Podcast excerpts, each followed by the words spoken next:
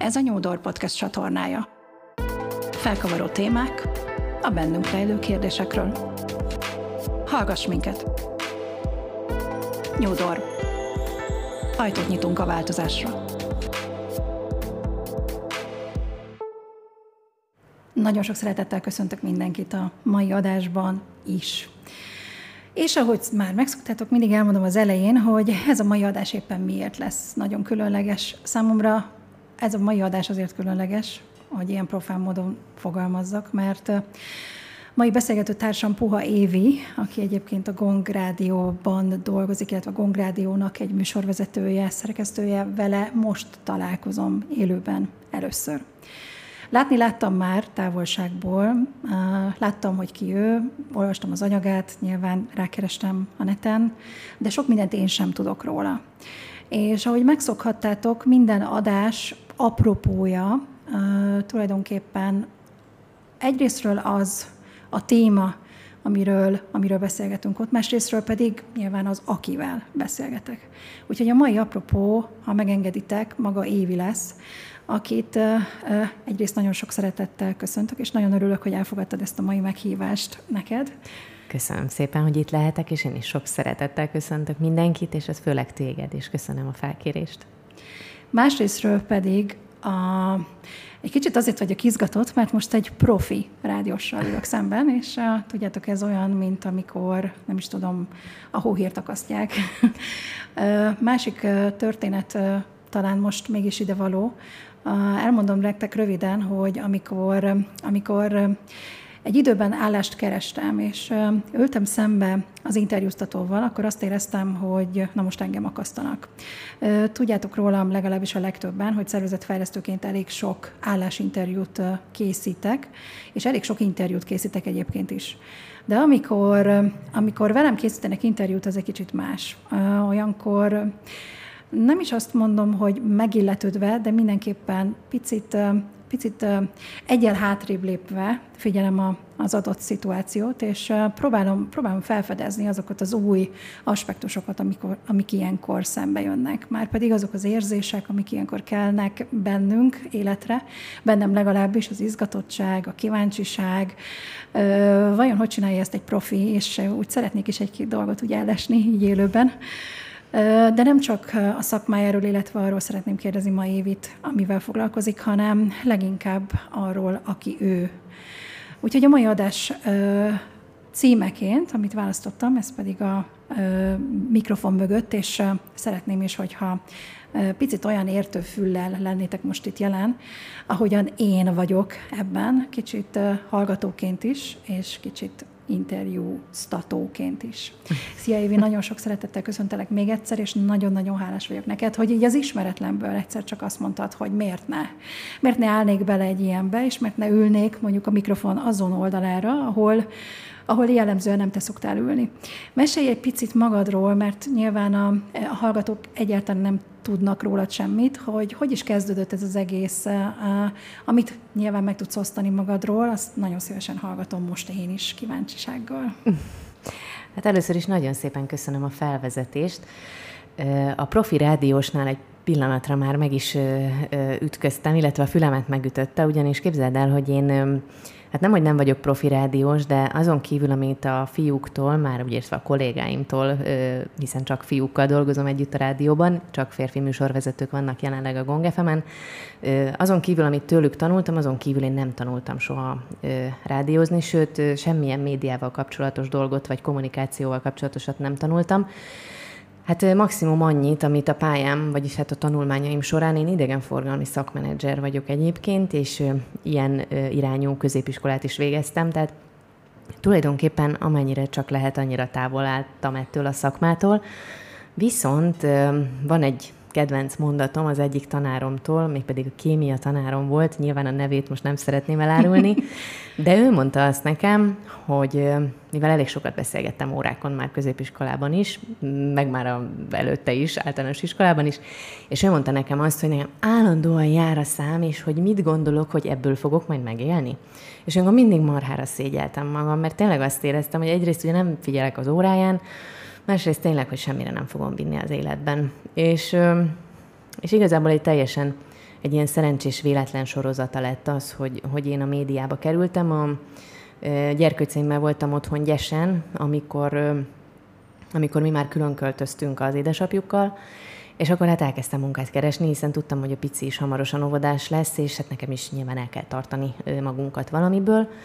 És egész egyszerűen egy ismerősöm mondta, egy nagyon kedves gyerekkori barátom, hogy, hogy neki van egy, van egy olyan ö, kapcsolata, egy a kapcsolatrendszerén belül, aki pontosan tudja, hogy most keres valakit négy órában, aki, aki egy kicsit segít neki így kommunikálni, egy ilyen web felület, egy ilyen webes hírportál, kicsit tartani a kapcsolatot az ügyfelekkel, meg hát szövegeket írni. És a szövegelés az nekem nagyon megy, és miért nem írok néhány ilyen próbaanyagot, elküldöm, és akkor meglátjuk.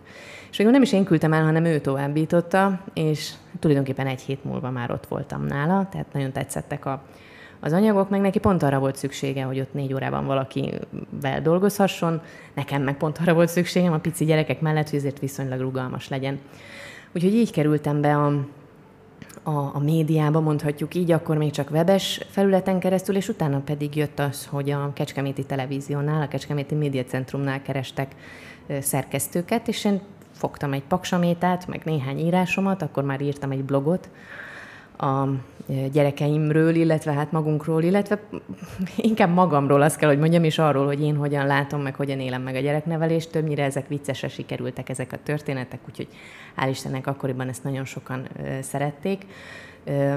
És én ezekből vittem, ezekből az írásokból, és az ottani főszerkesztő azt mondta, hogy ő vár szeretettel. Úgyhogy így kerültem át a tévéhez, és akkor onnantól már végül is én, ha, ha csak lehet munka, akkor én csak médiában, csak kommunikációban, műsorvezetésben gondolkodom, ez az, amiben én otthon érzem magam. Úgyhogy igazából így keveredtem ebbe az egész sztoriba bele, és azt kell, hogy mondjam, hogy a tanárnővel szemben igen, ebből akarok megélni, sőt, ebből is élek meg, hogy állandóan beszélek.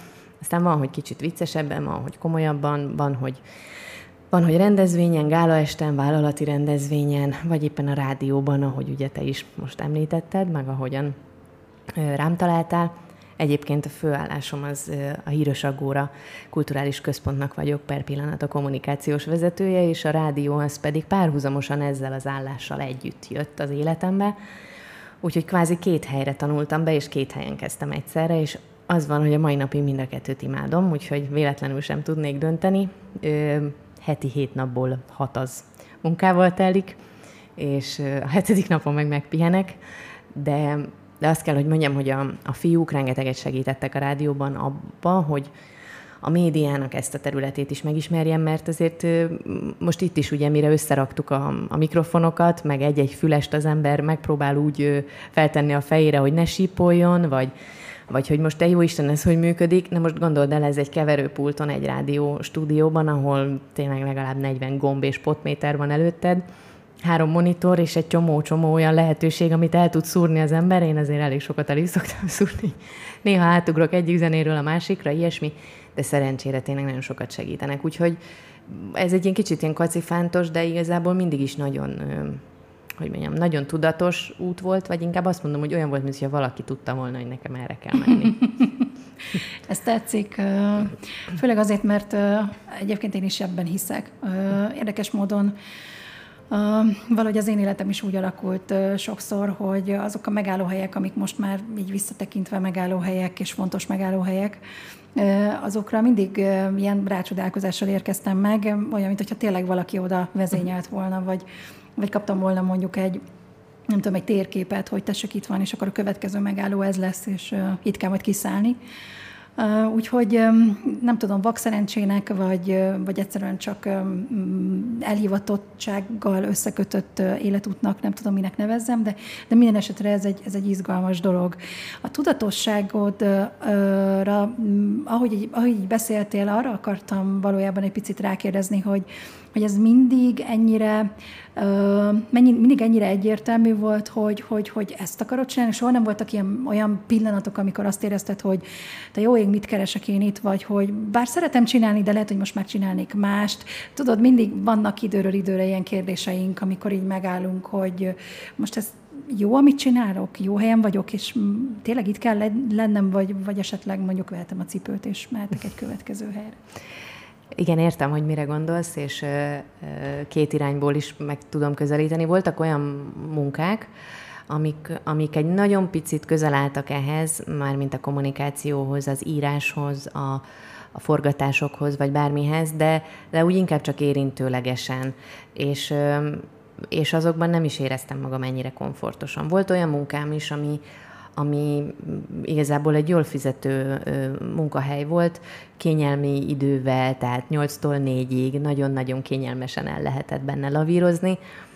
Borzasztóan éreztem magam, de tényleg. Tehát, hogy nekem ez a, ez a fajta kiszámíthatóság, és most, és most a kiszámíthatóságot nem úgy értem, hiszen nyilván gyereknevelés mellett azért valamennyi kiszámíthatóság kell az életbe, azt pontosan tudjuk, hogy azért ez nem mindig így működik. Szóval, hogy az a fajta munka, az nekem, nekem olyan érzés volt, hogy még a szervezetem is úgy reagált rá, hogy én hónapokig voltam beteg. Tehát hol az egyik torokfájásból a másik fejfájásba estem, és minden bajom volt, mert egyszerűen nem éreztem ott jól magam. És, és egyszer beugrott, amikor már nagyon feszített ez a dolog, néhány hónap után az, hogy tulajdonképpen én azt mondom mindig a gyerekeknek, hogy mindent ott lehet hagyni. Nyilván, nyilván kell az embernek mögétett gondolat, vagy, vagy vagy akár egy kis indoklás is saját magunknak, de ha valahol nem érzed jól magad, legyen az egy emberi kapcsolat, ahol mondjuk megaláznak, vagy bántanak, vagy úgy érzed, hogy nem oda tartozol, egy iskola, egy, egy baráti kapcsolat, ezeket ott lehet hagyni. Tehát, hogy van jogunk ahhoz, hogy felálljunk és tovább lépjünk, és hogy nyilván a szülőktől hoztuk szerintem az előző generációkból azt a fajta szemléletmódot, hogy hogy, hogy az ember elkezd valahol a érettségi vagy adott esetben diploma után dolgozni, és akkor ott szépen megveti a lábát, és a következő 30-40 évre nincs probléma, és felépül a kádárkocka, megvan az autó, megvan a havi, vagy a nyarankénti nyaralás, és stb. Ugye ebbe szocializálódtunk még szerintem nagyon-nagyon sokan, és egy kicsit még, még most is azt érzem néhány ismerősömön, hogy iszonyatosan félnek, hogy majd mit szólnak, hogyha ő most megint munkahelyet vált, vagy hogy hát hogy ez azért van ez a reméljük hosszú utunk itt a Földön szerintem, hogy egyrészt sok mindent kipróbáljunk, másrészt meg, hogy rájöjjünk, hogy mi az, ami érdekel. És vannak olyan habitusú emberek, én ezt nem vitatom, akik nagyon jól el vannak 40-50 évig ugyanazon a munkahelyen, és én sem azt mondom, hogy nem, nem a munkahelyhez kötődnék szívesen, hanem azt mondom, hogy ha valahol nem érezzük jól magunkat, akkor az onnan egész biztosan lehet jönni, és az is biztos, hogy van lehetőség, mert például nekem is ez, ezután a felmondásom után jött, jött ez a lehetőség, hogy most ide jöhetek, és, és újfent a, a, a médiába lehetek, amit egyébként imádok. Szóval nem, nem is ez a fajta tudatosság volt bennem, az abban biztos vagyok, hogy, hogy ez egy hazai terep, hogy ezt szeretem csinálni, annak ellenére, hogy nem, tényleg nem tanultam soha a szakmát, de igyekszem minél többet én is foglalkozni vele, akár podcastokat hallgatni, akár interjúkat, vannak nyilván kedvenc riporterek, és, és vannak olyan show műsorok, vagy olyan interjúk, amiket szívesen nézek, hallgatok, de úgy, úgy, úgy igazából olyan tanítómesterem nem, nem volt, viszont, viszont, viszont ez a fajta tudatosság, ez bennem van, hogy, hogy ismerem már magam annyira, hogy miben érzem jól magam, és tudom, hogyha egy olyan szerepkörbe kerülök, ahol nem, akkor ott nagyon-nagyon kevés ideig tudok komfortosan mocorogni, utána egyből kijön valami probléma, betegség, nyűgös leszek, hisztis leszek, és tudom, hogy ott nekem nincsen helyem. Úgyhogy ezt a fajta tudatosságot, ezt inkább így fordítanám, hogy hát egyébként sajnos nem vagyok ennyire tudatos, sőt, karácsonyi ajándékot is, ahogy az utolsó pillanatban veszem meg, pedig ugye minden évben december 24-e szenteste, tehát ez már egy ideje azért elég fixen így van, Ugyanígy a születésnapok is, elég fixen ugyanazon a napon születnek az emberek, úgy életük végéig akkor ünneplik, mégis van, hogy ezek így megcsúsznak nálam. Tehát nem vagyok egy ilyen szempontból olyan nagyon tudatos valaki, de, de azt tudom, hogy hol, meg kivel, meg milyen helyzetekben érzem jól magam. Egy picit még mélyebbre menve abba a motivációba, ami téged elhozott ide, és most itt vagy. Lehet, hogy ilyen blödnek fog hangzani egy-két kérdés, de engem baromira érdekel, és nagyon-nagyon nagyon kíváncsi tett, hogy Többször mondtad ezt a komfortos szót, többször említetted, hogy ott, ahol, ahol jól vagy, ahol komfortos vagy, ahol, ahol jól érzed magad. ez alapvetőleg nyilván mindannyiunkra érvényes, de hogy, de hogy a, a közeg, az a fajta közeg, ami körülvesz téged, az, az mondjuk mikrofon vagy képernyő. Tehát, hogy ugye te tévéztél is. Igen, és, öt évig. Öt évig, és az is egy borzasztóan izgalmas dolog lehet. Mi az, ami, mi az, ami ebben komfortos, és mondjuk mi az, ami abban komfortos volt, vagy mi az, amiben itt te vagy, és megtaláltad önmagad, és mi az, amiben ott találtad meg azt az évit, aki mm. akkor voltál? Ha, ha a komfortból indulunk ki, ez nagyon-nagyon profán leszek azzal, hogy a rádióban például nagyon komfortos, hogy be tudok menni akár pizsamába is. Ez konkrétan a karácsonyi, karácsonyi vacsoránk másnapján, amikor mentem be a stúdióba, akkor hát azért elég sokáig sikerült hajnalig beszélgetni, iszogatni, táncolni a kollégákkal, és és hát másnap úgy mentem be a stúdióba, mivel szerencsére három percre lakom a rádiótól, a rádió stúdiójától, így tényleg úgy, úgy slattyogtam át szinte bakancsban, meg egy ilyen kis kötött ruhában, úgyhogy ez tényleg, tényleg ilyen szempontból komfortos. Az, hogy hogy nem muszáj kisminkelni, meg megfelelni, mert hát úgysem látnak, és a hang alapján, meg nagyon sok esetben a hangulat, illetve az alapján ítélnek meg az emberek, hogy hogyan veszem fel mondjuk a telefont egy, egy játékosnak, egy kívánságműsor betelefonálónak. Nagyon sok esetben egyébként, nyilván ezeket nem adom be adásba, de nagyon sok esetben megosztják velem, hogy szeretnének hallani egy valamilyen megható számot, mert most szakítottak, most halt meg a, a, az édesanyja, és, és az jó érzés egyébként, hogy az emberek úgy bíznak meg bennem, hogy kvázi a telefonvonal másik végén vagyok, és, és, és nem is láttuk egymást még soha, és lehet, hogy azt se tudja, hogy hogy nézek ki, mert mondjuk nem nézi a közösségi médiát, de mégis bizalommal van felém. Tehát ez, ez a fajta ez a fajta komfortzóna itt a rádióban, mm, ez mondjuk ad egy ilyen biztonságot, hogy, hogy be tudok menni egy farmer pólóban, és akkor ott, ott szépen a kis ráhangolódás az megvan, és utána tudok beszélgetni a hallgatókkal. A, a tévénél nyilván ugye ennek pont a másik oldala van, hogy ott, ott azért az ember smink nélkül nem nagyon kerül képernyőre, nem is akar, mert, mert azért a smink az ad egyfajta pajzs, egy biztonságérzetet a, a nőknek, sőt, mai világban ugye a férfiakat is minkelik a tévében, hogy ne csillogjon a bőre, Szóval ilyen szempontból azért ott a, a készülés az, az, az fontosabb volt, vagy az, tehát az egy kicsit megerőltetőbb volt. Mindig egy komplet sminkarzenál volt a táskámban, és és ott azért egy ügyeleti rendszerben dolgoztunk. Én több évig az itteni, hát hogy is mondják, ez kirendeltségének, az MTV-nek van itt is egy kirendeltsége, és az országos tévének is tudósítottunk innen. Ez azt jelenti, hogy minden hétre, hétvégére be volt osztva, hogy ki az ügyeletes.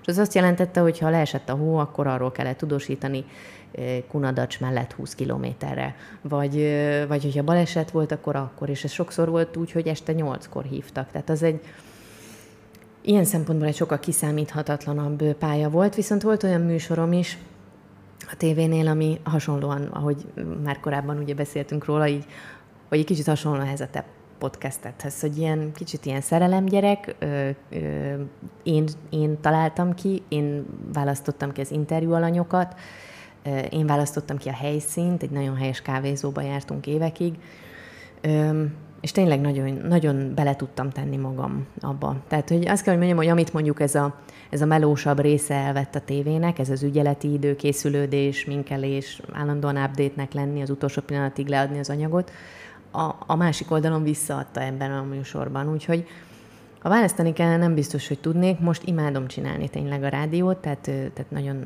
nagyon otthonosan érzem magam benne. Szerencsére a, a, a kollégák is tényleg elfogadtak, sokat segítenek, nagyon jó a kollektíva is, úgyhogy ha, ha most kellene döntenem, akkor, akkor most biztos, hogy erre billen a mérleg, de igazából én, én imádok írni ö, szövegeket, azt is szoktam rengeteget különböző weboldalaknak, vagy megkérnek akár csak arra hogy ismerősök, hogy évi egy köszöntőbeszéd, nem írnál nekem a céges bulira.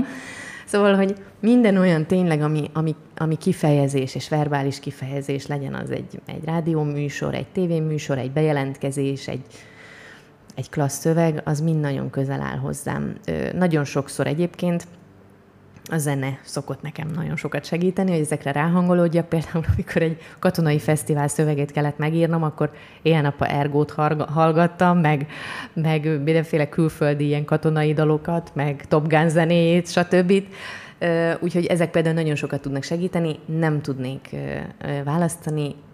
Szerintem, ha belehelyezkedik az ember, és rákoncentrál, akkor a komfort az megérkezik, és jól tudom magam mindegyikbe érezni annyira ö, hihetetlen gondolatok ébredtek bennem, miközben beszéltél, arra gondoltam, hogy te jó Isten, ugyanúgy érzem, én is ugyanezt érzem pont, ugyan, mintha, ő, mintha én mondtam volna. Um, én is gondolkodtam egyébként, hogy nekem mi az, ami tetszik ebben, és hogy mi az, amiben, ami, amiért én jól vagyok benne. És um, bár megmondom őszintén, az első adások, ha neten valamikor még meghallgatod, azok nyilván nem ilyen technikával készültek. Többnyire zoomos felvételek voltak, hiszen alapvetőleg földrajzilag is távol voltunk egymástól, nem is tudtunk találkozni, ugye nem volt lehetőség arra, hogy akár ilyen távolságban, hogy most veled két ülést kihagyva, de milyen érdekes, akkor ez volt a szabály, két ülést kihagyva. Most meg csak azért, hogy nehogy összegerjedjünk, ugye? Igen, igen. De hogy, de hogy nagyon más volt akkor technikailag is, illetve az én idézőjeles felkészültségem is egy kicsit más volt. Sokkal inkább interjús volt, mint beszélgetős, és én rájöttem, hogy egyébként pont azt szeretem benne, hogy beszélgetünk. Azt szeretem, hogy dobáljuk a lasztit, azt szeretem, hogy, hogy én is elmondhatom az, arról a témáról a saját véleményemet, a saját nézőpontomat megoszthatom másokkal, és nyilván nem általános igazságok kell, hogy kijöjjenek egy ilyen adásban, nem is erről szól, meg nem is ez a műfaja, de hogy, de hogy, de hogy jó érzés izgalmas, inspiráló emberekkel találkozni, akik részben, vagy elég sokszor hasonló módon gondolkodnak, mint, mint én. Úgyhogy én is mindig imádtam, és mindig sokat beszéltem, és mindig, mindig rengeteget írtam, és most is írok, és a, nem tudom, hanyadik könyvem készül, és még mindig nem vagyok kész vele, szóval, hogy talán soha nem is leszek, de hogy alapvetőleg um, hallgatok én is rengeteg podcastet, és, és hallgatok olyan adásokat, amelyeknek a témája alapvetőleg nagyon, nagyon megfog de, de én azt, azt érzem komfortosnak, amikor, amikor kapcsolódunk, amikor azt érzem, hogy megérkeztünk, amikor azt érzem, hogy már jó, már jó beszélgetni, már jó kérdezni, és már jó, jó hallani azt, amit, amit, amit hallok a, a másiktól. Úgyhogy hát ez a műfaj, ez, ez hozzám ilyen módon a beszélgetés módján áll közel. Valószínűleg a tévében én sem lennék annyira komfortos. Az önismereti utamon egyébként jó sokat edzettem, sőt azt kell, hogy mondjam, hogy most is rengeteget edzek mentálisan arra, hogy elfogadjam magam nőként, ahogy vagyok. És ö, ö, elég jó helyen vagyok most már, azt gondolom a tízes skálán valahol, valahogy az ötös környékén, tehát azért az már mondjuk a kettes, egyes, kettesről indultunk, Aha. ahhoz képest már jó, jó helyen vagyunk, de még nyilván van munka vele. Ö, de tény, hogy nekem is jól esik amikor mondjuk a, az irodámban veszem fel az adásokat, és akkor tényleg most is tornacipő van rajtam, tehát különösebben nem öltöztem ki, de azért mégis adtam jobban, hogy most fogunk először találkozni, mégiscsak legyen egy valamelyes... a pizsamába gyere, mint én a céges buli után, ugye? Igen, de, de, de legyen valamiféle, valamiféle pozitív kapcsolódás, egy kicsit más, hogy láss, vagy nem tudom, olyanak láss, ami ennek én is szeretem néha látni magam, bár mondom őszintén reggel még nem egészen így néztem ki. Most egy kicsit... Jó, reggel én is mindig kerülöm a tükröt, azt szerintem egy teljesen természetes női szokás, nem? Hogy úgy óvatosan közelít az ember, mert persze tudod, hogy mit lehet kihozni belőle, mert, mert egyébként abszolút hiszek abban, hogy, hogy hogyha egy kicsit az ember megtalálja a stílusát, egy pici smink, vagy egy kicsi olyan haj stílus, hajszín, vagy bármi, amik ugye most nagyon mennek ezek az átalakítások, és ez nem azért, hogy az ember nem jó úgy, ahogy van, de egyszer olvastam, nem tudom, hogy ki ez, és nem is akarok most hülyeséget mondani, de talán Müller Péter mondta azt, hogy, hogy ez úgy működik, mint az embernek a kertje, hogy azt is akkor szereti a legjobban, amikor úgy tényleg szép, amikor úgy tényleg pompázik. Persze, hát szereti az ember a kertet akkor is, hogyha, hogyha kicsit gazos, vagy kicsit csálénálnak a bokrok benne, de hogy egyébként mit lehet kihozni egy, egy, egy kertből, és na, ugyanígy működik szerintem a, a nő, vagy akár az ember is, hogy, hogy nyilván külső-belső önismeret és külső-belső utunk van, és ennek, ennek mindnek van egy külön szegmense, és igen, az, az ember a külsejére is. Van, aki kicsit jobban, van, aki kicsit kevésbé, de ha egy picit, nem tudok most szebb szót találni rá, de tuningolunk rajta, akkor abból, hogy reggel mondjuk hogy kelek ki az ágyból hétkor, mert ugye Charlie óta tudjuk, hogy az, aki szép, az reggel is szép, de azért, aki meg nem, az meg ugye, mint például én, azért reggelente nem így látom, akkor egy kicsit úgy időt adok magamnak, meg egy kávét, és és akkor utána egy pici smink, vagy egy haj feltűzés, vagy bármi olyan, ami, amihez úgy éppen kedve van az embernek. És én például öltözni is így szeretek, hogy, hogy amilyen hangulatom van. Szoktak is néha a kollégák röhögni rajtam, hogy van, hogy ilyen nagyon laza farmer, meg egy fehér trikó, van, hogy gyakorlatilag majdnem kis estébe jövök, és akkor mindig mondom, hogy ehhez volt kedvem, vagy viccesen megjegyzem, hogy ez volt tiszta éppen, de amúgy nem, mert, mert tényleg olyan van, hogy vannak olyan napok, amikor úgy érzem, hogy na most nagyon oda kell tenni magam, és, és nagyon-nagyon sok feladat vár rám, és nekem magabiztosságot ad az, hogyha, hogyha ehhez mondjuk tudok társítani egy klassz minket, hogy a kedvenc ruhám van rajtam, van olyan is, több, több kedvenc is van, amik ilyen, tényleg ilyen, úgymond ilyen vésztartalék, hogy azt aztán tudom, hogy, hogy az úgy ad egy kis energiát. Úgyhogy szerintem ez, szerintem ez tök fontos, hogy, hogy jól érezze magát valaki a bőrében, és ezért tényleg legtöbbünk szerintem úgy érzi magát a legjobban, hogyha egy kicsit a kertrendben van rakva. Vannak esetleg olyan sztoriaid, amik, amik ilyen nagyon-nagyon emlékezetesek, tehát lehet akár jó is, rossz is, vagy akár egy-egy innen is, meg onnan is. Vannak-e olyan interjúk, olyan rádiós vagy tévés események, amik, amik mondjuk te voltál nyilván a műsorvezető, és valami történt, lehet akár pozitív, akár negatív, mert ha lehet ilyen kulisszatitkokat Aha. megosztani, akkor például ez is nagyon izgalmas lehet, hogy mik voltak ezek az ups és downok, amik, amiken így átmentél te is ezen az úton? Több is van, ami most így elsőként beugrott, az egyik olyan volt, hogy amikor így mindenáron akar valamit az ember, ugye voltak megrendelések, és, és volt egy olyan megrendelő, aki azt kérte, hogy forgassunk arról, hogy havazás miatt leszakadt a felső vezeték valahol Kecskemét mellett van, amelyik nagyon pici településen. Elindultunk oda, hívtuk a polgármestert, aki nagyon nem örült ennek, hogy mi ugye egy negatívumról akarunk forgatni az ő településén, ahelyett, hogy jó hírét vinnénk, és különben is már helyrehozták az áramellátást. De mi addigra már odaértünk, visszahívtam a megrendelőt, miről közölte, hogy jó, mindegy, akkor beszéljünk arról, hogy már megjavult. Tehát, hogy igazából teljesen mindegy volt, csak valamit, valamit mondjunk. Ezt a fajta médiát például nem szeretem. Tehát az, amikor mindenáron mondani akarunk valamit, én ezért szeretem például nagyon a podcastet, nagyon szeretem a, a, az ilyen mély interjúkat, mert nem egy ilyen klasszik beszámoló vagy tudósítás jellege van, hanem ahogy te is mondtad, úgy el lehet benne egy kicsit mélyülni. És van, amelyik 25 perces, van, amelyik 35 percre sikerül. Van, amelyik egy kicsit vidámabb, egy kicsit ö, sírósabb, vagy mélyre ásóbb, vagy mélyrehatóbb, de, de alapvetően egy kicsit ö, szélesebb képet ad arról, hogy mi is történik, nem pedig annyit, hogy mindegy, hogy mi történik, csak keressetek valamit. Ugyanilyen volt, amikor az Alföld közepén kérték, hogy folyó, vagy tó, vagy hegy legyen a tudósításba. Mondtuk, hogy nem tudjuk, hogy jártak-e már erre, de úgy tűnik, hogy még nem. Ugye ez fővárosi volt megrendelő, és mondtuk, hogy tehát itt nagyon sokáig kellene mennünk ahhoz, esetleg egy kis dombokat tudunk összeszedni itt a homokbuckák környékén, és egyszerűen nem akarták elhinni, hogy, hogy, hogy szóval hogy vannak, vannak azért a médiának mostanság ugye olyan szegmensei, vagy olyan részei, ahol így nem tud az ember nemet mondani, hanem minden áron csinálni kell valamit. Most például a rádiónál semmi ilyen nyomás nincs. Tehát most, most a rádióban egyre inkább azt érezzük a fiúkkal is, hogy, hogy, hogy egyre inkább azt kéri a vezetőség is, hogy tegyük bele magunkat az adásba. Tehát, hogy legyen ennek egy flója, hogy legyen minden műsorvezetőnek saját hangulata az ő műsorához. És hát ilyen, ilyen formán véve például én így, hogy egyetlen női műsorvezető vagyok most per pillanat, ezt azért még leszögezem, mert nem tudjuk, hogy mit hoz a jövő, de most ez így van. Kilenc fiú van rajtam kívül műsorvezető, Nekem például nem, nem nehéz ilyen szempontból mást nyújtani mondjuk a hallgatóknak, mint a fiúknak, hiszen eleve ugye egy női hang jelentkezik be. Egy kicsit lágyabban én elég sokat beszélek a gyereknevelésről, vagy akár ilyen tréfás eseteket osztok meg velük, vagy megkérdezem a hallgatókat, hogy ők hogyan szokták rávenni a kamasz gyerekeket, hogy letegyék a kütyüt, mert hogy én nem bírom, vagy, vagy, vagy csak nagyon ritkán, és akkor is már nagyon ideges vagyok, szóval ezek nem, nem elhanyagolható tényezők, hogy, hogy én amellett, hogy dolgozom, amellett ugye vannak gyerekeim, amellett egyébként is egy nagyon emocionális ember vagyok, tehát simán elsírom magam egy kávéreklámon is, vagy hogyha valaki betelefonál adásba és elmeséli, hogy most neki meghalt valaki, akkor én ugyanúgy tudok vele együtt sírni.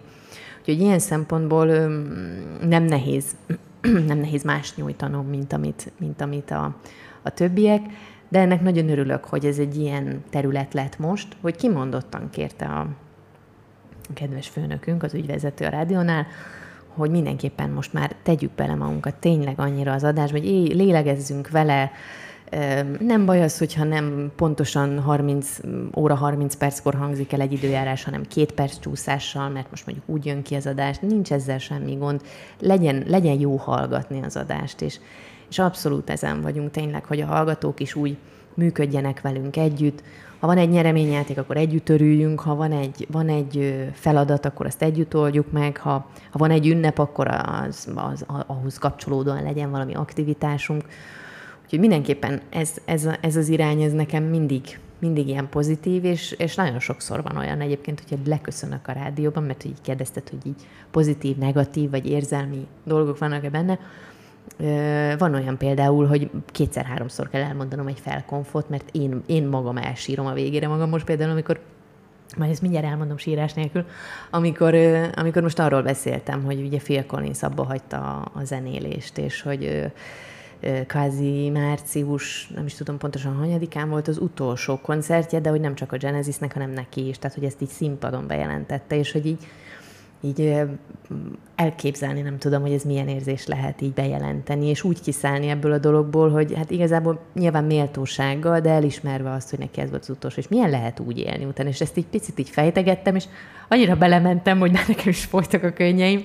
Szóval, hogy ezt például nagyon szeretem, hogy, hogy lehet, lehet akár érzelmes, lehet vidám, lehetek bármilyen, de lehet, lehet érzelmem itt. Ilyen szempontból ezt nagyon-nagyon szeretem megmutathatod saját magad, és hangot adhatsz annak, amit valójában belül érzel. Ez nagyon, ez nagyon-nagyon fontos, mert uh, szerintem azon kevesek közé tartozunk, nyugodtan kimondhatjuk, akik azt csinálják, amit szeretnek. Igen. És ezért ez egy nagyon-nagyon fontos dolog. Nagyon kevés ember van, én magam is nagyon keveset ismerek, sajnos, aki, aki tényleg azt csinálja, amire hivatott, vagy amit szeret. Um, rengeteg emberrel találkozom minden nap, és rengetegszer hallom azt, hogy ja, Istenem, holnap megint munka, fel kell kelni, mondjuk egy hétvége után, vagy akár most a hosszú hétvége után. Nem azt mondom, hogy könnyű volt reggel felkelni, de, de mégis az volt bennem, hogy fú, ma is egy csodálatos nap lesz, hiszen ma megint, megint valami új dolog fog velem történni, megint, megint új emberrel fogok találkozni, akivel mi korábban nem, és ez, és ez mindig hihetetlen erőt ad, nem csak erőt, hanem egyszerűen azt a fajta, nem tudom, pozitív életérzést, ami, ami egyébként is nagyon, nagyon áthat, úgy egy szinten azt érzem, de hogy, de hogy, de hogy ilyenkor, amikor tudatos vagy rá, amikor így beleérzel, amikor így, amikor így rágondolsz, hogy, hogy, hogy az az élet, amit élsz, az, az valójában rengeteg-rengeteg fantasztikus dologgal van tele, és te választhatod meg, hogy, hogy mit csinálsz, hogy kivel találkozol, hogy hova mész, hogy, hogy mi fog történni. Éppen ma felveszel egy podcastet, mondjuk az én esetemben, vagy éppen nem tudom, nem kell, hogy a projekten dolgoz, hanem, hanem dolgozhatsz máson, vagy megcsinálod a saját önismereti kártyacsomagod, vagy, vagy éppen egy, egy konferenciára készülsz. Tehát, hogy annyi, de annyi, annyi dolog van, az én életemben is, ami, ami ezt a csodát így minden nap bebizonyítja, hogy létezik, hogy van. És Phil Collinsra visszautalva, nekem is ő egyébként az egyik kedvencem. Uh-huh. Emlékszem, amikor édesapámnak volt most a jó pár évvel ezelőtt egy esete.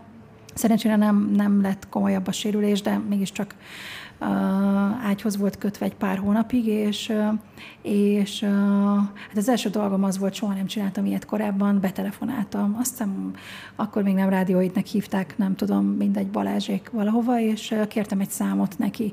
És az első, ami eszembe jutott Phil Collins-tól a Another Day in the uh-huh. Paradise, és egyszerűen imádom azt a számot, egyébként is a, a szövegét is az egész, valahogy annyira igaz, annyira tudok vele, vele, vele érezni.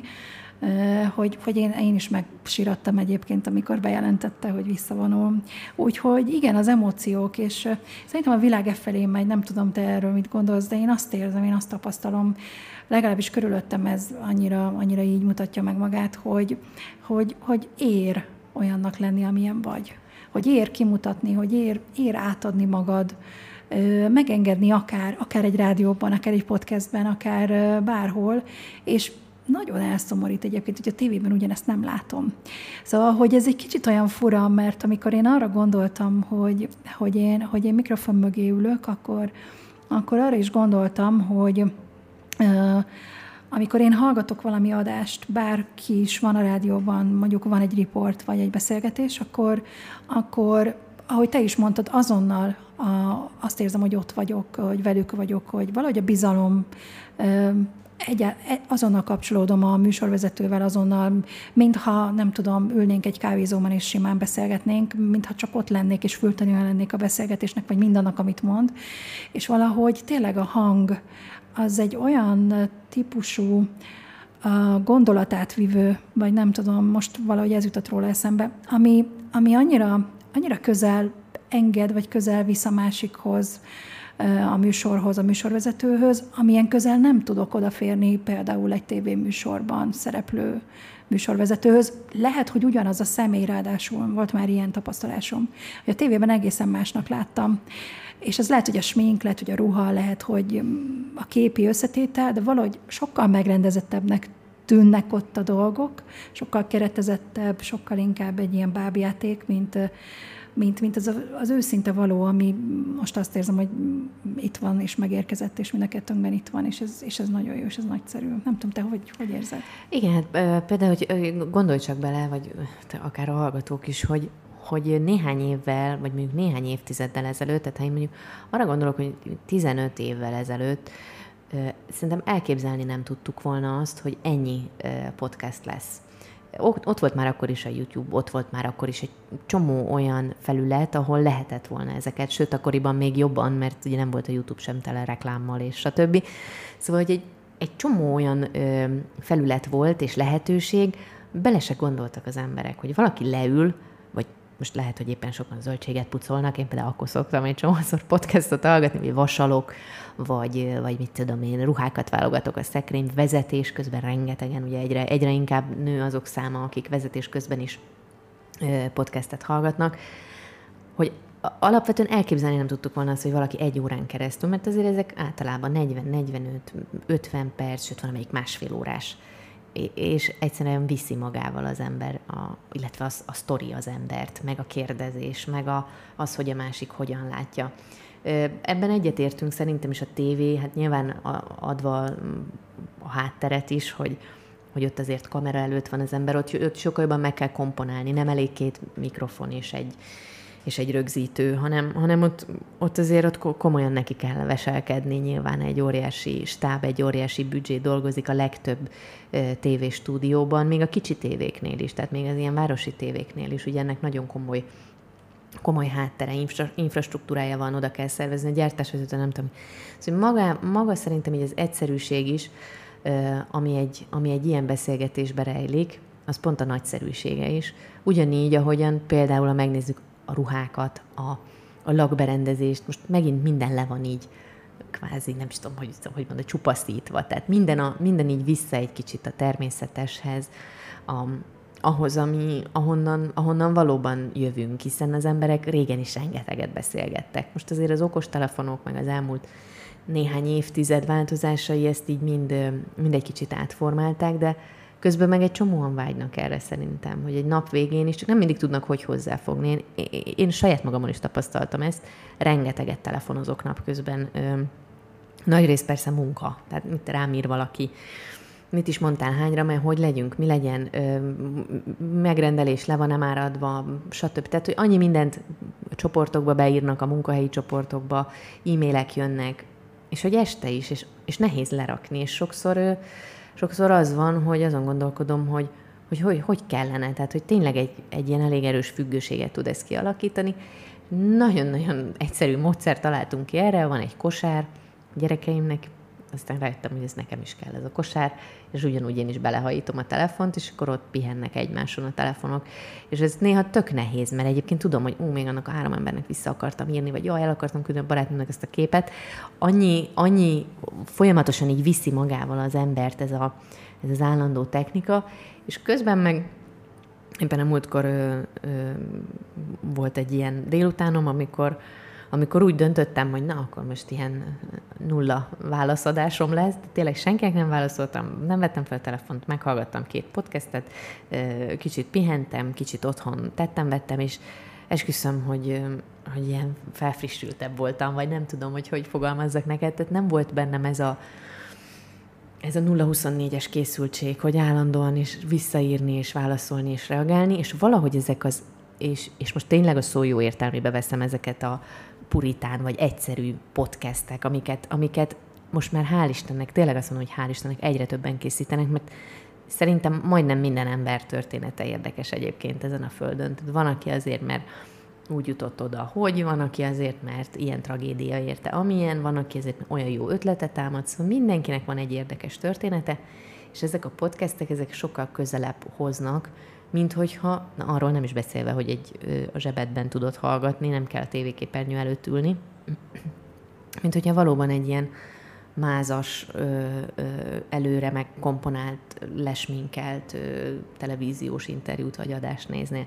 Tehát szerintem valószínű, hogy ez, ez, ez vezeti vissza az embereket oda, hogy egy kicsit egyszerűbben, egy kicsit egyszerűbb. Most, most vannak ezek a ruhákban is ezek a basic szettek, hogy ilyen tök natúr, trikó, ruha, nem, tehát tényleg, hogy minden így vissza, vissza az eredetihez, a természeteshez, ugye ez most a trend a lakberendezésben is, és szerintem mindenkinek ez az egyszerűség, ez egy kicsit vágya, mert egy picit túltoltuk szerintem az elmúlt húsz évben, amikor amikor a rádióban vannak ilyen tematikus hétvégéink, akkor az egyik az a 90-es évek hétvége, ami a legnagyobb kedvenc az embereknek. Imádják, rengeteg SMS érkezik, és az egyik hallgató nagyon jól megfogalmazta, hogy az volt az utolsó olyan évtized, amikor, amikor már kellően modern volt a technika ahhoz, hogy mondjuk haza tudtál csörögni a telefonfülkéből, hogy nem érsz haza, nem érek haza anya, hatra, csak nyolcra. Miért? Hát azért, mert még itt maradunk a barátnőmmel, nem tudom.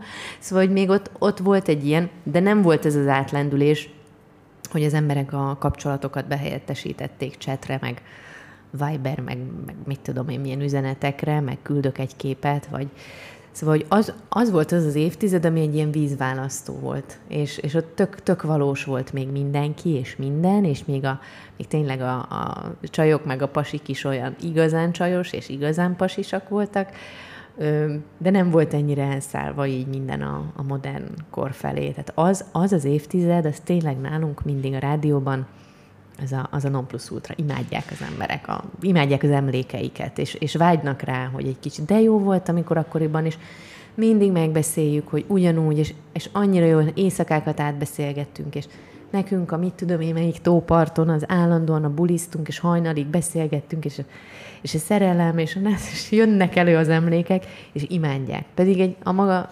szempontjából egy egyszerű évtized volt, mert nem, nem voltak nagy találmányok, meg nagy, nem tudom mi, de okos telefon, és, és, és Tesla, és űr, űr fejlődés, és bármi.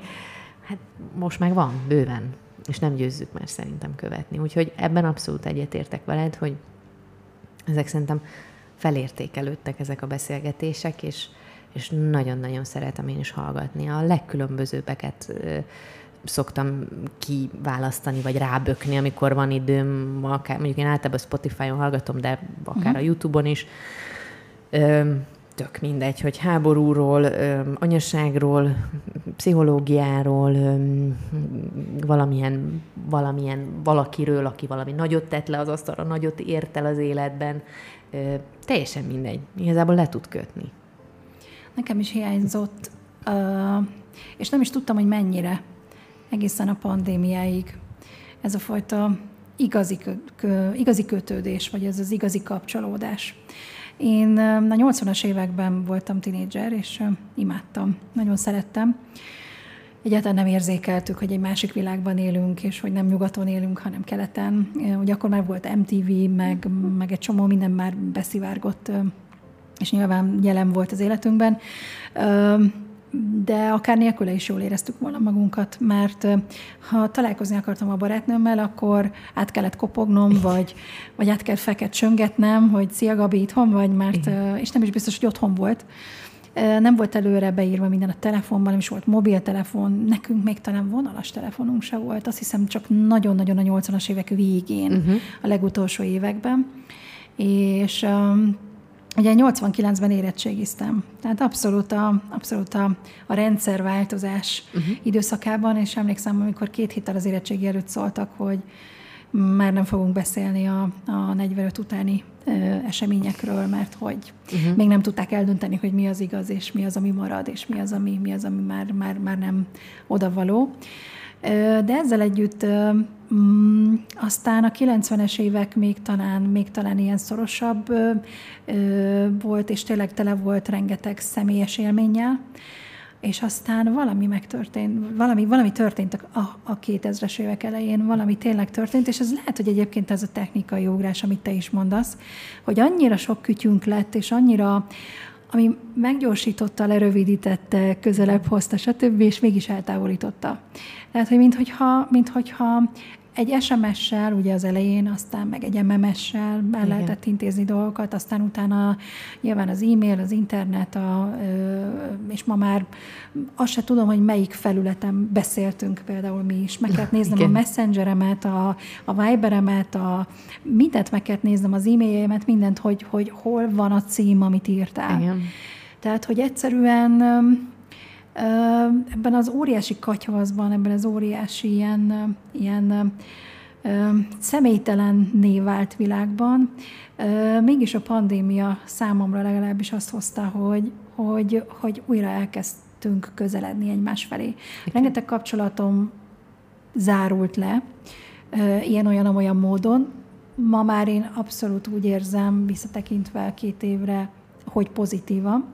Lehet, hogy akkor nem éltem meg pozitívan, de valójában igen, mert mert azok maradtak, úgy érzem, és azok jönnek, vagy azokkal találkozom, úgy érzem, akikkel, akikkel tényleg dolgom van, és akikkel dolgunk van egymással, amiért valahogy az univerzum egymáshoz közelít minket, vagy tol minket, mert van, van bennünk valami közös, amiről, amiről, amiről jó beszélgetni, ami, ami miatt jó kapcsolódni, és, és abszolút hiszem, hogy, hogy, hogy ez a fajta hozzáállás, még így a technikai, nem tudom, újítások ellenére is egyre, egyre erősödik egyre erősödik, egyre inkább érzem azt, hogy egyre közelebb és közelebb kerülök emberekhez, és hozzám is egyre is közelebb és közelebb kerülnek emberek.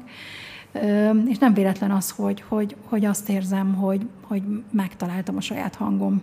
És ez most így pont jó is, hogy egy podcastben vagyunk, és a hangról beszélek. De hogy igen, tehát hogy megtaláltam azt, ami, ami vagy, és aki vagyok. Neked hozott egyébként valami hasonlót? A pandémia? Uh-huh. Pandémia, megmondom őszintén, hogy nekem egyáltalán nem okozott nehézséget akkoriban.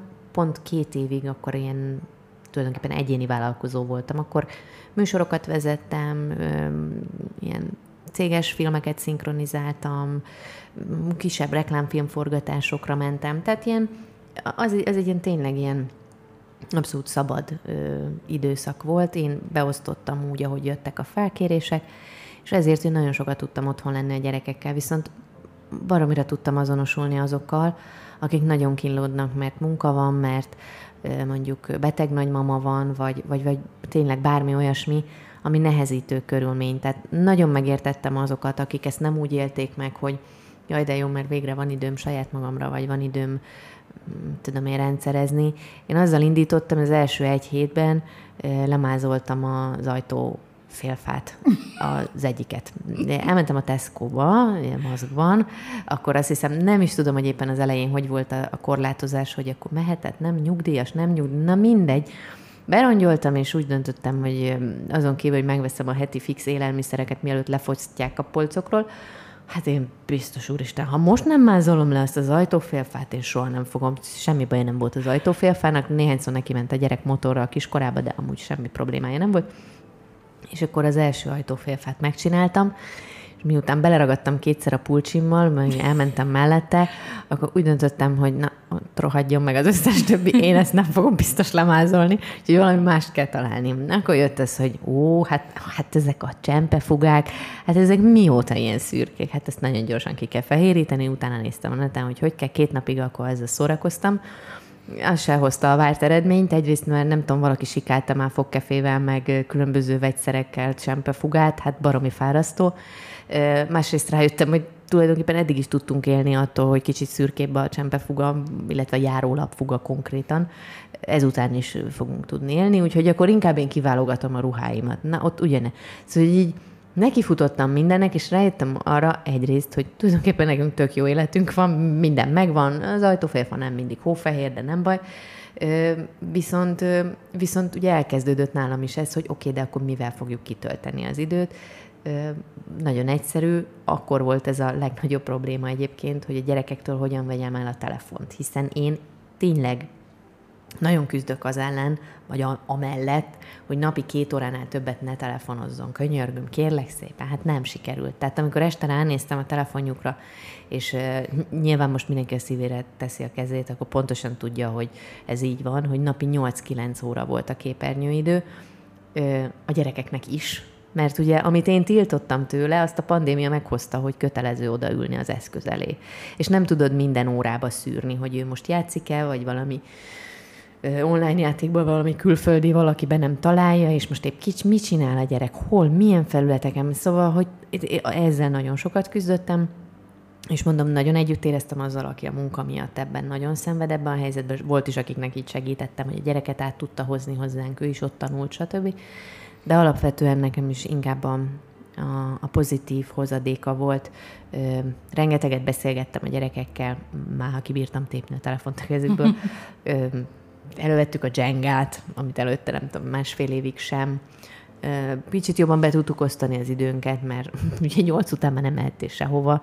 Szóval, hogy ilyen szempontból volt egy kis, hát nem is tudom, újra kereteztük mhm. magunkat, uh-huh. ezt így tudnám most mondani.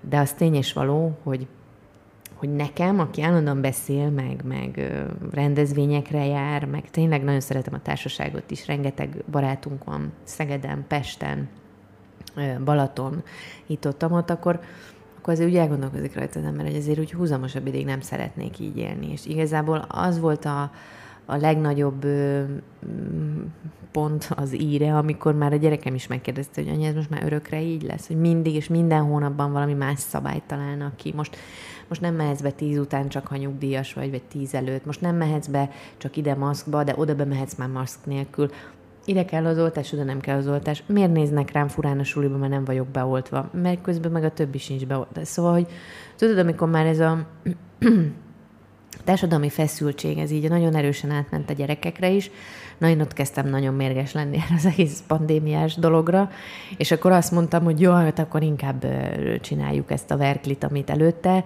de, de ez, ez, ez a, tehát hogy valahogy ezt úgy éreztem, mintha elindult volna egy vonat így a 80-as években, ami elkezd így egyre gyorsabban menni, a végén már hasít, mint az állat, és hirtelen egy ilyen satuféket kell nyomni. Tehát, hogy ez a társadalom, amiben mi most élünk, ahol ennyire pörgünk, ennyire megyünk, ennyire hajtjuk a pénzt, ennyire interaktív minden, de tényleg minden, az, ott, ott, ott egyszerűen az, hogy ilyen hirtelen kell lefékezni, szerintem nagyon gyors volt. Nyilván egy társadalmi feszültség is jött ebből. Persze a hátteret senki nem vitatja, tehát nyilván ez, ez, egy, ez egy ilyen ez egy ilyen sohasem gondolt szituáció volt. Szerintem mindenki számára, valaki öt éve ezt mondja, akkor lehet, hogy kiröhögjük, hogy nem lehet sehova menni, csak maszkba, vagy nem mehetsz ki a házból, de hogy nem és mégis megtörtént, és reagálni kellett rá valahogy. Szerintem mikrokörnyezetenként változó volt, hogy erre ki hogy reagált.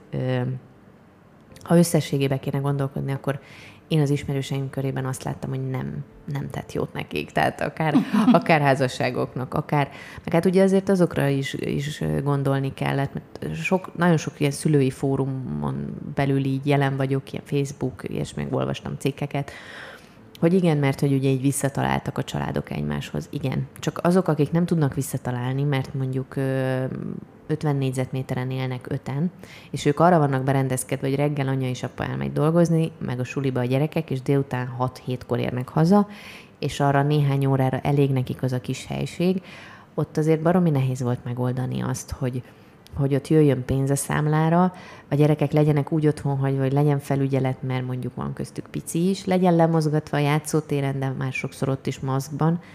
Szóval azt kell, hogy mondjam, hogy, hogy alapvetően nekem az ismerősi kör nagy részében ez, ez negatív volt ez az időszak. A munkát tekintve meg nekem nagyon-nagyon hiányzott, hát nem voltak rendezvények, én meg azt imádom.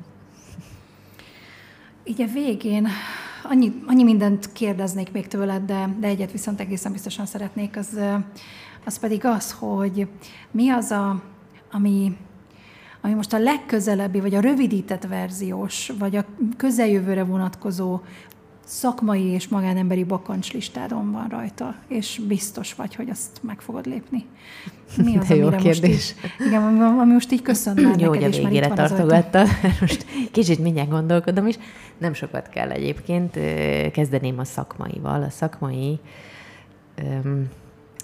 Én alapvetően, ha, ha így be kell sorolni, akkor nekem három munkahelyem van. Tehát van a, van a főállásom, amit mondtam is, a, itt a kulturális központban a kommunikáció nagy része, meg egyébként így hál' Istennek tényleg a rendezvényekben is kapok szerepet, úgyhogy nagyon szeretem fárasztó, azt, az kétség kívül, de, de egy nagyon jó célért küzdünk, nagyon jó irányba halad az egész. Mm, ott a rádió, mm, ami ugye mondhatjuk így, hogy a másodállásom, de ott van mellette szorosan a másik másodállás, az pedig az, hogy rendezvényeket moderálok. Tehát ez a három olyan állás van, ami nekem állandóan ott van, jelen van az életemben, és mindig azon gondolkoztam, hogy tulajdonképpen egyik sem olyan, amit, amit én találok ki, vagy én csinálok. Nyilván a rádióba belerakhatom az én kis gondolataimat, de nem az én, hát nagyon csúnya szóval élve projektem, és és ilyen szempontból van, van egy tervem, amit, amit egyébként most az élet, vagy a Jóisten, én hiszek benne, hogy inkább ő volt benne itt a, a dologban, vagy a legjobb barátnőm, akit nemrég veszítettünk el, de azóta is olyan, mintha így pontosan azokban a pillanatokban, amikor kell, akkor, akkor mindig, mint hogyha így valamit így megpiszkálna a fejemben, hogy na ő most ezt így csinálná, vagy ő is ezt mondaná, és ezek ilyen nagyon jó, nagyon jó kis vonalvezetők nekem, meg hát egy kicsit a belső megérzés. Szóval ez a projekt, amit én kitaláltam, most az elmúlt három hétben négyen kérdezték meg, hogy te figyelj már, Évi, te miért nem csinálsz te egy ilyen saját, ilyen, tudod, ilyen, ilyen, ilyen műsort itt, így helyben, amire oda lehet menni, most már végre lehet menni, nem online kell, hanem egy ilyen zárt körű, akár egy vacsora, egy, egy, egy olyan beszélgetés, ahol vannak meghívott vendégek, vagy akár egy. Hát mondom, de jó ötlet. Hát képzeld el, hogy nekem ez két éve van felírva, és hát szerintem két éve megvan a listám is, hogy kik azok az emberek, akiket elhívnék. Úgyhogy valószínű, hogy a bakancs listán ez lesz a következő, amiben bele, bele fogok vágni, és miután ennyien kérdezték, nagyjából ugyanennyien támogattak is, vagy mm, tulajdonképpen azt mondták, hogy ők mindenképpen ott lesznek, vagy volt olyan, aki azt mondta, hogy mindenképpen mellé áll a projektnek, akár mint támogató. Úgyhogy, úgyhogy ez egy nagyon jó visszacsatolás. Eléggé félős típus vagyok. Egy nagyon kedves barátom szokta azt mondani, hogy olyan vagyok, mint a, mint a jó úszó a medence szélén, hogy így kapaszkodok a medence szélébe, és így úsznak el mellettem az emberek, és én így nézem őket, hogy de ügyes vagy, én is tudok ám ilyet csinálni, nagyon ügyes, én mindjárt megyek én is utánad, és közben még mindig fogom a medence szélét, úgyhogy ő szokta ezt mondani, és mindig ezzel szívja is a véremet, és végül is igaza van, mert tényleg nagyot ugrani ritkán szoktam, akkor viszont olyan nagyot, hogy mindenki hülyének néz, hogy ezt most hogy találtam ki. És ö, ezt nagyon szeretném a közeljövőben megvalósítani, úgyhogy erre most szerintem itt egy ilyen remek néhány éjszakám lesz, mert hogy általában ezeket már így éjszakában nyúlóan szoktam tudni megcsinálni, de, de ez például pont egy olyan, amire azt mondtad, hogy na ezért érdemes felkelni. Persze a többiért is, meg a gyerekekért, meg a napsütésért, meg minden, de azért tudja az ember, milyen az, amikor valami hajtja belülről, hogy fú, na ez most nagyon jó, vagy most egy nagyon jó utazásra készülök, vagy, vagy most mit tudom én, vagy szerelmes vagyok, és akkor olyan, nagyon, olyan egészen más reggelente felkelni, úgyhogy ez egészen biztos. A másik oldalról, a magánéleti vonalon ott, ott nagyon komoly célkitűzésem az, hogy a gyerekeimmel legalább annyira jó maradjon a kapcsolat, mint az első tíz évükben volt. 13 évesek az ikreim, egy fiú és egy lány, illetve van még egy kislányom, hogy pedig 11 lesz most nyáron, és ők, ők nagyon sok mindent megéltek velem, mellettem.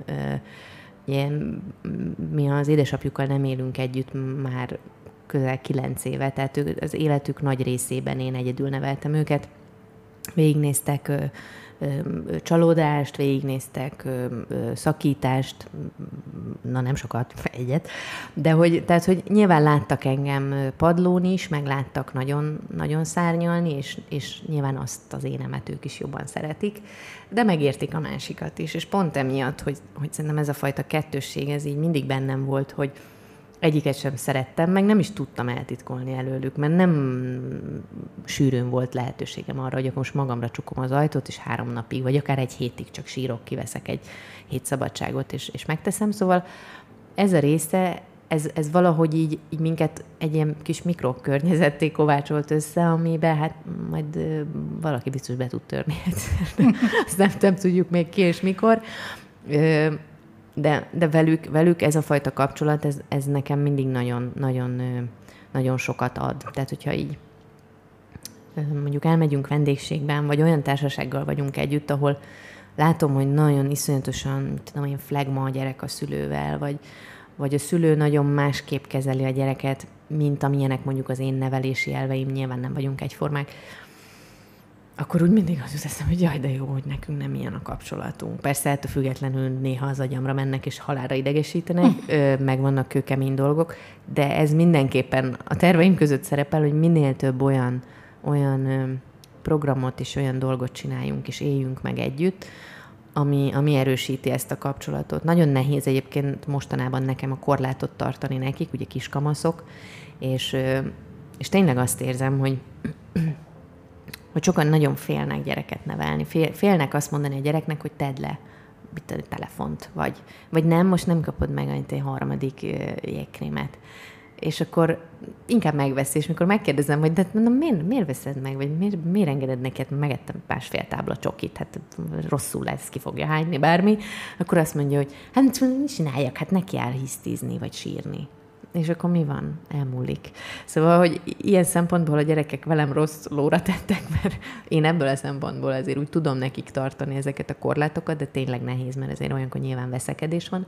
Viszont ugyanígy a másik oldal is ott van, hogy például most először megyünk majd együtt fesztiválra na, mondjuk nem a Soundon kezdünk, hanem mondjuk a, a jazz piknikre megyünk, de három napra megyünk, és ott leszünk. Ugyanígy szeretünk együtt moziba menni, szóval olyan, olyan dolgokat csinálni, amiket egyébként a kiskamaszok nyilván az enyémek is nem sokára a barátaikkal fognak, de azért remélem, hogy egy pici szegletbe így ott leszek, úgyhogy ez, ez, ez egy ilyen hosszabb távú terv, a rövid távú ez meg egy, az meg egy költözés, de, ez meg szerintem sok magyar ember vágya mostanában, hogy ilyen árak mellett úgy mégiscsak azért sikerüljön otthon teremteni, meg, meg egy olyan ingatlan találni, amiben mindenki komfortosan és jól érzi magát, és lehet, hogy megint a komfort szót használom, de nekem tényleg nagyon fontos. Nekem mindig a lakásom is mindig arról szólt, hogy, hogy ha oda valaki jön, akkor ne azt lássa, hogy tisztaság van, jó, persze az is fontos, hanem, hanem hogy otthonosság. És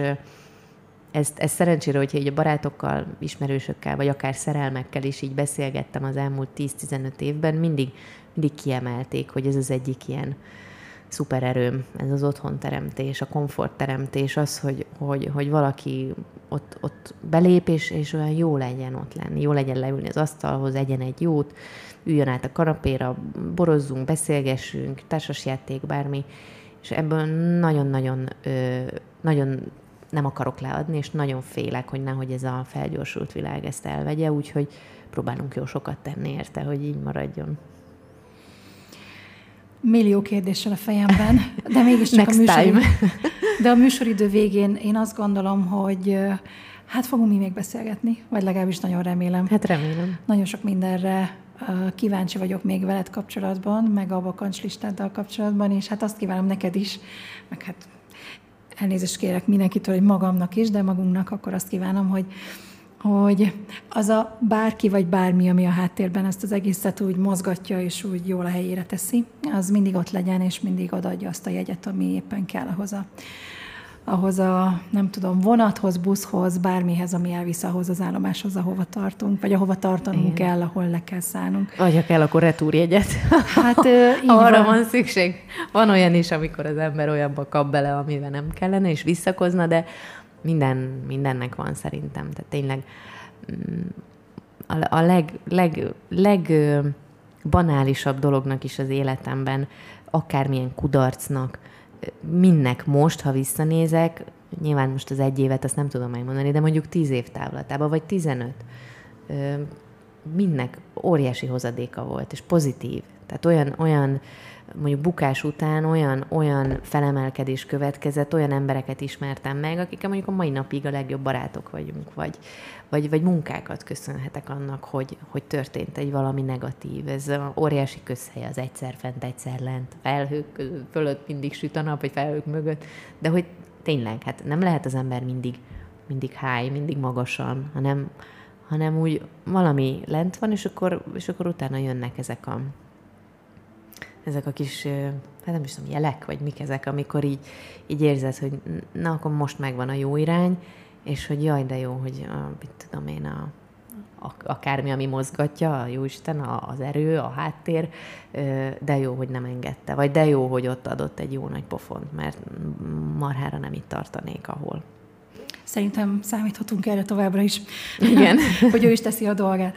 Úgyhogy még egyszer köszönettel és hálával, nagyon szépen köszönöm neked ezt a mai beszélgetést. Mondom, rengeteg kérdésem maradt még a tarsolyban, és hát hogyha egyszer újra összeülünk, akkor szerintem akkor is fogunk tudni miről beszélgetni. Én majd megyek majd akkor hozzád vendégségbe, mert hogy most voltál olyan kedves, hogy te jöttél el hozzá, mert tényleg most millió, a, millió az elfoglaltság, és ezt felajánlottad, úgyhogy legközelebb mindenképpen én megyek, és remélem, hogy folytatjuk. Tényleg nagyon sok sok volt a közös kapcsolódási pont, úgyhogy Igen. nagyon köszönöm, és én vagyok hálás, hogy rám gondoltál. Köszi.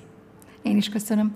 Nektek pedig, hogy itt voltatok, és természetesen, ha ezzel az adással, vagy bármilyen korábbi adással kapcsolatban kérdésetek, meglátásotok lenne, akkor továbbiakban is várjuk tőletek ezeket a jelzéseket, nyilván nem füst formájában, hanem a www.newdorlink hu oldalon, illetve akár e-mailben az infogukat nyúdor link.hu e-mail címen. Nagyon szépen köszönöm, hogy most is itt voltatok velünk, élvezett veletek együtt lenni, még akkor is, hogyha nem látunk benneteket és nem hallunk benneteket, de az egyre több és több komment azt igazolja, hogy kíváncsiak vagytok arra, amiről és akivel beszélgetek.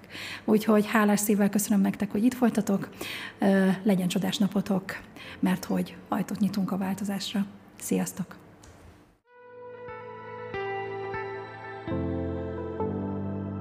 Ez a Nyúdor Podcast csatornája. Felkavaró témák a bennünk rejlő kérdésekről. Hallgass minket! Nyúdor. Ajtót nyitunk a változásra.